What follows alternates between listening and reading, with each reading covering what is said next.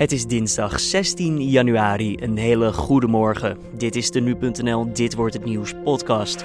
Julian Dom is mijn naam en deze ochtend praat ik hierbij over het Rusland-onderzoek in de VS. Paul Manafort staat namelijk weer in de rechtszaal. En ook is er een debat in de Tweede Kamer over de gaswinning. Maar eerst, zoals elke dag, het nieuws van afgelopen nacht. Dertien broers en zussen zijn door de politie in de Amerikaanse staat Californië gered van hun ouders. De kinderen zaten vastgebonden aan bedden en waren ernstig ondervoed. De ouders zijn aangehouden door de agenten. Ze worden aangeklaagd wegens marteling en het in gevaar brengen van hun kinderen. Robin Haase is in de eerste ronde van de Australian Open uitgeschakeld door de Italiaanse Lorenzo Sonego met 3-1. Haase is nummer 43 van de wereld en Sonego nummer 218. Wel wist de Nederlander nog 7 matchpoints weg te werken, maar bij een stand van 6-5 in de laatste set was het achtste matchpoint raak voor de Italiaan. Zeker 10 bouwvakkers zijn om het leven gekomen tijdens de bouw van een brug in Colombia. De brug moest onderdeel worden van een snelweg die de hoofdstad Bogota verbindt met Vicencio. Reddingswerkers zijn ter plekke nog bezig, maar naar verwachting zal het dodental niet verder oplopen. Door de explosie in Antwerpen van maandagavond zijn zeker 14 personen gewond geraakt. Vijf van hen zijn er ernstig aan toe en één persoon ligt in kritieke toestand in het ziekenhuis. Zeker drie huizen zijn ingestort door de ontploffing.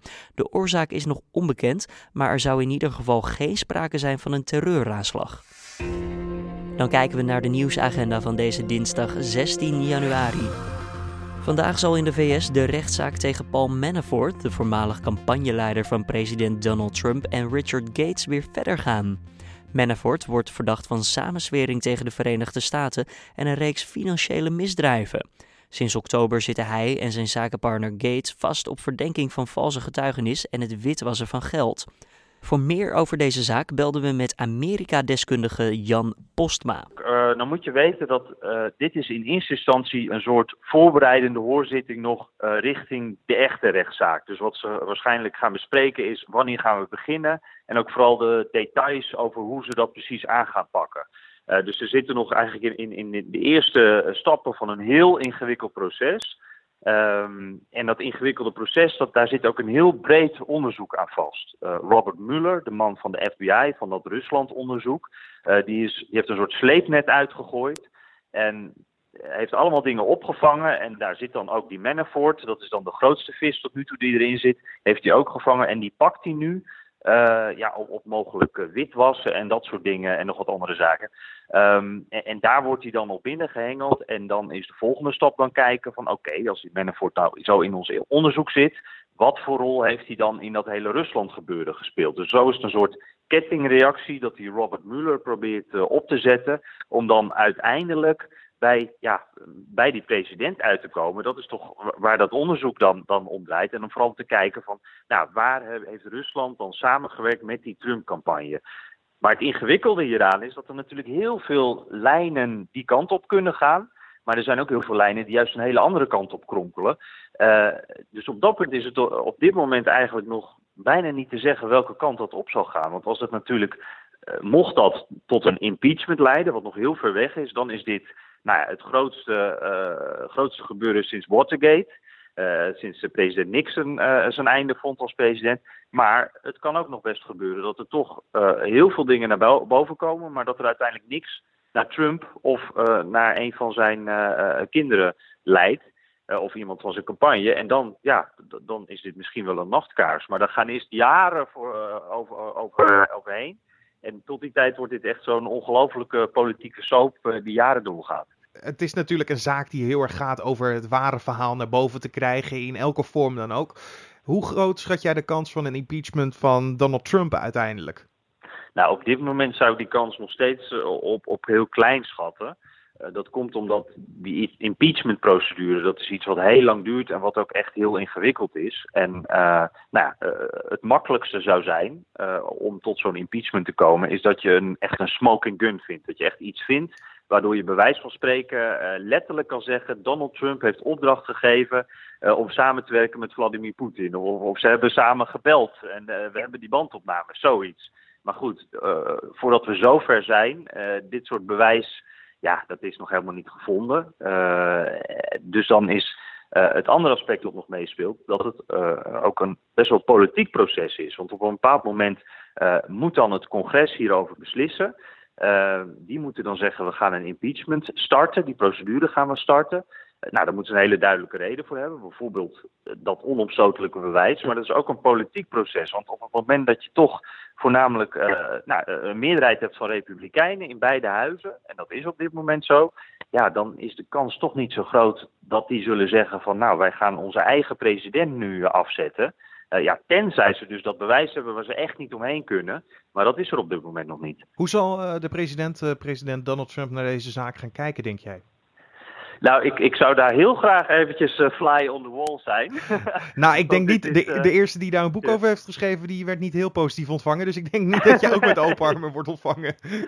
nee, nee, nee, inderdaad. Dat, uh, dat denk ik ook niet. Ik denk niet dat dat nog gaat gebeuren. Ja, we weten van Trump, onder andere uit dat boek Fire and Fury, maar ook uit, uit eerdere boeken. Ik heb er zelf trouwens ook een boek over geschreven. Dat komt over twee weken uit, de Trump-fluisteraars. Um, maar daarin wordt ook omschreven hoe uh, Donald Trump uh, echt op een manische manier altijd uh, het kabelnieuws volgt. Dus via de kabel tv-shows, Fox News voornamelijk, maar ook alle andere zenders, die houdt hij allemaal bij, dat neemt hij ook allemaal op. Dus ik denk ook over dit onderwerp gaat hij, nou, elk stukje wat daarvan op televisie komt, dat neemt hij op ook, dat kijkt hij dan later weer terug. nou, dat worden weer heel wat boze tweetjes, soms vanuit zijn bed, soms vanuit zijn kantoor, maar er zijn echt de momenten dat hij hiernaar zit te kijken, dan kan hij zich heel zelden inhouden. Hij vindt dit één groot uh, poppenkast. En, en, en noemt het ook uh, steeds een heksenjacht. Nou, hij heeft niet eens zo'n hoorzitting nodig om daar boos over te worden. Dus ik denk op het moment dat iedereen hier weer over gaat praten, dan wordt die president echt, uh, ja, dan, vliegen de boze tweets ons weer om de oren. Je hoorde Jan Postna van AmericaWatcher.nl. Er volgt een nieuw hoofdstuk voor Groningen, gaswinning en de schade daarvan. Er zal vandaag een debat in de Tweede Kamer plaatsvinden over dit onderwerp. Wat er zal worden besproken en wat er op het spel staat voor de verschillende partijen, dat vroegen wij aan politiek verslaggever Edo van der Goot. Nou, officieel staat het schadeprotocol en de afhandeling van de mijnbouwschade in Groningen staat op, uh, op de agenda. Uh, dat is natuurlijk sinds uh, de zware beving in Zeerijp vorige week, de zwaarste in vijf jaar. Uh, maar het zal waarschijnlijk ook gaan over de gaswinning zelf. Komt ook weer bij dat je het woord schadeprotocol veel voorbij ziet komen. Uh, maar, maar, wat betekent dat dan precies? Ja, dat heeft nogal een, een aanloop. Uh, het schadeprotocol regelt de schadeafhandeling van de huizen die zijn getroffen door de, door de aanbeving en daardoor schade hebben. Tot vorig jaar april, vorig jaar voorjaar in ieder geval, zat de Nederlandse aardoliemaatschappij, die regelde dat. Ja, dat was toch een beetje ongemakkelijk voor heel veel partijen, want de NAM, de Nederlandse aardoliemaatschappij, uh, is ook de veroorzaker van die schade. Dus wat krijg je dan? De slager die zijn, uh, die zijn eigen vlees keurt. Uh, dat wil heel veel partijen niet, dus de NAM is eruit gehaald. Maar sindsdien is het eigenlijk wachten op een nieuw protocol. En dat is nog steeds niet. En sinds vorige week, sinds die uh, zwaarste beving, uh, zijn er bijna 3000 schademeldingen, nieuwe schademeldingen binnengekomen. Ja, en die worden op dit moment dus niet afgehandeld. Dus dat, is, uh, dat leidt tot veel frustratie van, van de bewoners daar. Zit er ook nog een beleidsstukje in, aan vast, wat er nog veranderd echt in het protocol moet, moet worden? Of is het echt alleen het feit, er worden nu dingen niet opgepakt? Nou, op dit moment is het zo dat uh, de partijen daar, dus de provincie en de, de gemeente, de, de plaatselijke gemeente, uh, en een aantal maatschappelijke organisaties, die hebben al een voorstel uh, gestuurd naar het ministerie van Economische Zaken, het verantwoordelijke ministerie. En dat ligt er al sinds oktober. Dus eigenlijk is het wachten op de Rijksoverheid al drie maanden lang. Ja, en dat leidt natuurlijk tot veel irritatie. Die irritatie werd ook nog een klein beetje aangewakkerd door de premier, Mark Rutte. Die zei afgelopen vrijdag van ja, het is niet alleen wachten op de Rijksoverheid, ook lokale overheden die, die doen er wat lang over. Nou, dat moest je gelijk terugnemen, want dat was absoluut niet het geval. Volgens de premier is het zo dat de lange formatie heeft gezorgd dat het nieuw schadeprotocol er nog steeds niet is op zich wel opmerkelijk, want uh, ja, deze regering zit er natuurlijk sinds oktober. Dus eigenlijk hadden ze in oktober, toen dat voorstel er al lag van de lokale overheden, hadden ze natuurlijk zo'n nieuw protocol kunnen maken. Maar het is nog steeds niet. Iedereen vindt dat zo snel mogelijk moet komen. Ja, en de, de gasproductie wordt ook een belangrijk aspect. Um, er wordt ook waarschijnlijk gesproken over verlaging daarvan. Ja, dat is, uh, het, de productie gaat sowieso omlaag. Het is alleen uh, de vraag met hoeveel. Op dit moment is het zo dat er 21,6 6 miljard kub per jaar wordt gewonnen. En deze regering wil dat verder omlaag brengen met 1,5 miljard kub. Dus aan het eind van deze kabinetsperiode is het de bedoeling met 1,5 miljard kub minder. Maar dat is veel te weinig. Vooral na deze aardbeving die we vorige week hebben gezien. Dus dat wordt waarschijnlijk verder naar beneden teruggeschroefd. maar goed, nu is de vraag, ja, hoeveel inderdaad? Er zijn partijen die zeggen zo snel mogelijk naar nul. Maar ja, als je heel snel uh, van, van, van 21 miljard naar nul gaat, uh, wat doet dat met de bodem? Er zijn ook seismologen die zeggen, ja, dat zorgt voor extra bevingen. Dus het moet zo snel mogelijk, uh, zo laag mogelijk. Maar niemand weet precies wat, wat het getal is. er zinkt wel een getal van 12 miljard kub zinkt er rond. dat komt omdat ooit een oud oud-voorzitter van de staatstoezicht op de mijnen. Dat is uh, het adviesorgaan voor uh, economische zaken, die advies uitbrengt over de gaswinning. Die heeft ooit een keer 12 miljard kub gezegd. En er zijn een aantal politieke partijen die hebben dat overgenomen, met name de oppositie. Maar eigenlijk is vooral de, de, de regering is daar nog vaag over. Die, die komen nog niet met concrete getallen. En dat gaan we vandaag ook nog niet horen in het debat, denk ik. Zal dit debat dus echt ook definitief zijn voor een aantal punten? Of denk je dat het meer een soort van praten in de ruimte is? Nou, het, is, het wordt natuurlijk vooral geregeld buiten Den Haag om. En dat wil de politiek ook wel graag, of dat wil deze regering ook wel graag. Want die willen vooral niet te veel uh, uh, zich bemoeien met de lokale politiek. Uh, ja, wat die gasverlaging betreft, die toezicht houden, dus die staatstoezicht op termijn, komt dus met dat advies over enkele weken. Dus dat is vandaag nog niet. en dat advies wordt meestal overgenomen door, door de minister. Dus dat daar wordt over gesproken, maar er wordt nog geen klap op gegeven, want dat advies moet eerst komen. Uh, ja, dat protocol daarvan heeft iedereen ook al gezegd. Dat moet er zo snel mogelijk komen, binnen enkele weken. Iedereen wil dat die schade wordt afgehandeld. Uh, daar is natuurlijk ook al veelvuldig over gesproken. Dus ik vermoed eigenlijk uh, dat het een beetje wat dat betreft een herhaling van zet wordt. Iedereen gaat zeggen dat het allemaal heel erg snel moet. iedereen zal het daarover eens worden. Alleen, ja, het zal nog weinig concreet zijn. En dat is een beetje de frustratie die leeft bij, bij veel partijen, met name in Groningen. Je hoorde politiek verslaggever Edo van der Goot, die vanavond voor nu.nl het debat zal volgen. Dus voor meer informatie kan je altijd op de website terecht. Dick Advocaat zit voor het eerst op de bank bij Sparta Rotterdam. De oud-bondscoach werd in de laatste week van 2017 aangesteld als opvolger van de ontslagen Alex Pastoor. En nu moet advocaat de club behoeden voor degradatie. De wedstrijd tussen Sparta en Vitesse werd vorige maand afgelast vanwege de hevige sneeuwval en wordt vandaag ingehaald. Zo erg als vorige maand zal het vandaag niet worden, maar door hagel en onweer wordt er wel een drukkere ochtendspits verwacht. Daarnaast kan het door temperaturen rond het vriespunt op sommige plekken glad zijn op de weg. In de loop van de dag wordt het nog kouder en kan er ook natte sneeuw vallen. Dan kijken we naar het mediaoverzicht van deze dinsdag. De Koninklijke Marechaussee wil dat er beter gecontroleerd wordt op kleine vliegvelden in Nederland. Het is nu nog te eenvoudig om daar drugs of mensen te smokkelen, dat schrijft Trouw. Op elf kleine vliegvelden in Nederland is geen permanente beveiliging aanwezig. Ook zijn de piloten niet verplicht om de gegevens van bemanning en passagiers door te geven. Dat zou moeten veranderen, al dus de Marechaussee. Er moet een extra belasting komen voor tabaksfabrikanten. Daarvoor wordt gepleit in een rapport dat is samengesteld door ambtenaren, wetenschappers, milieuclubs en het bedrijfsleven in opdracht van staatssecretaris Van Veldhoven voor Milieu. Daarover schrijft De Telegraaf. De peuken bestaan voor een groot deel uit kunststoffen die langzaam afbreken.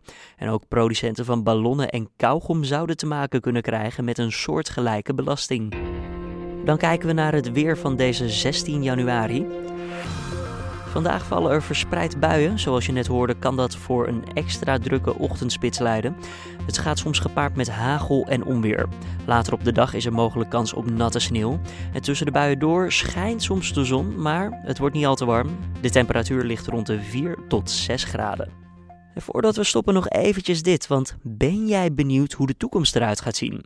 De mensen van Trentreden zijn dat in ieder geval. Ze geven vandaag een bijeenkomst over de toekomst. Wat zal het namelijk voor jaar worden in positief en negatief oogpunt? We belden met Caroline van Beekhoff van Trentreden en collega Carné van den Brink vroeg als eerste wat het nou precies is, de Trentreden. De Trentreden is een stuk dat wij elk jaar met een aantal toekomstdenkers schrijven en ook elk jaar presenteren voor een publiek. En vanavond presenteren we een, in Pakhuis de Zwijger. En dan gaan we daarna ook weer over in gesprek. Ja, maar eh, als ik je zo een beetje hoor, ik praat hier niet met de moderne Harry Potter. En ik weet, ja, ik kan ook niet inschatten of je een glazen bol hebt. Maar hoe gaan jullie dan die toekomst voorspellen van aankomend jaar? Nou, we voorspellen niet, maar we stellen ons wel een toekomst voor. Ehm, dat is een klein verschilletje. En wat je, dat kan doordat je gewoon kijkt naar wat er om je heen gebeurt qua, op het gebied van uh, sociaal-culturele ontwikkelingen, economische ontwikkelingen, technische ontwikkelingen. En dan vooral dat je ook heel erg kijkt wat gebeurt er nou aan de zijlijntjes en op de kleinere uh, initiatieven, zeg maar. Naar, je kijkt naar de kleinere initiatieven. En daar vooral ook van wat zitten daar voor drijfveren achter. En dan kan je kijken van hé, hey, kunnen we dit naar de toekomst extrapoleren met een mooi woord. Maar dan kan je nu al een beetje zeggen, denk ik, wat voor jaar het gaat worden. In een leuke one-liner, we gaan van de verbrokkeling naar de verbinding. Je hoorde Caroline van Beekhoff van de Trendreden. En vanaf woensdag is het document ook te downloaden op hun website trendreden.nl.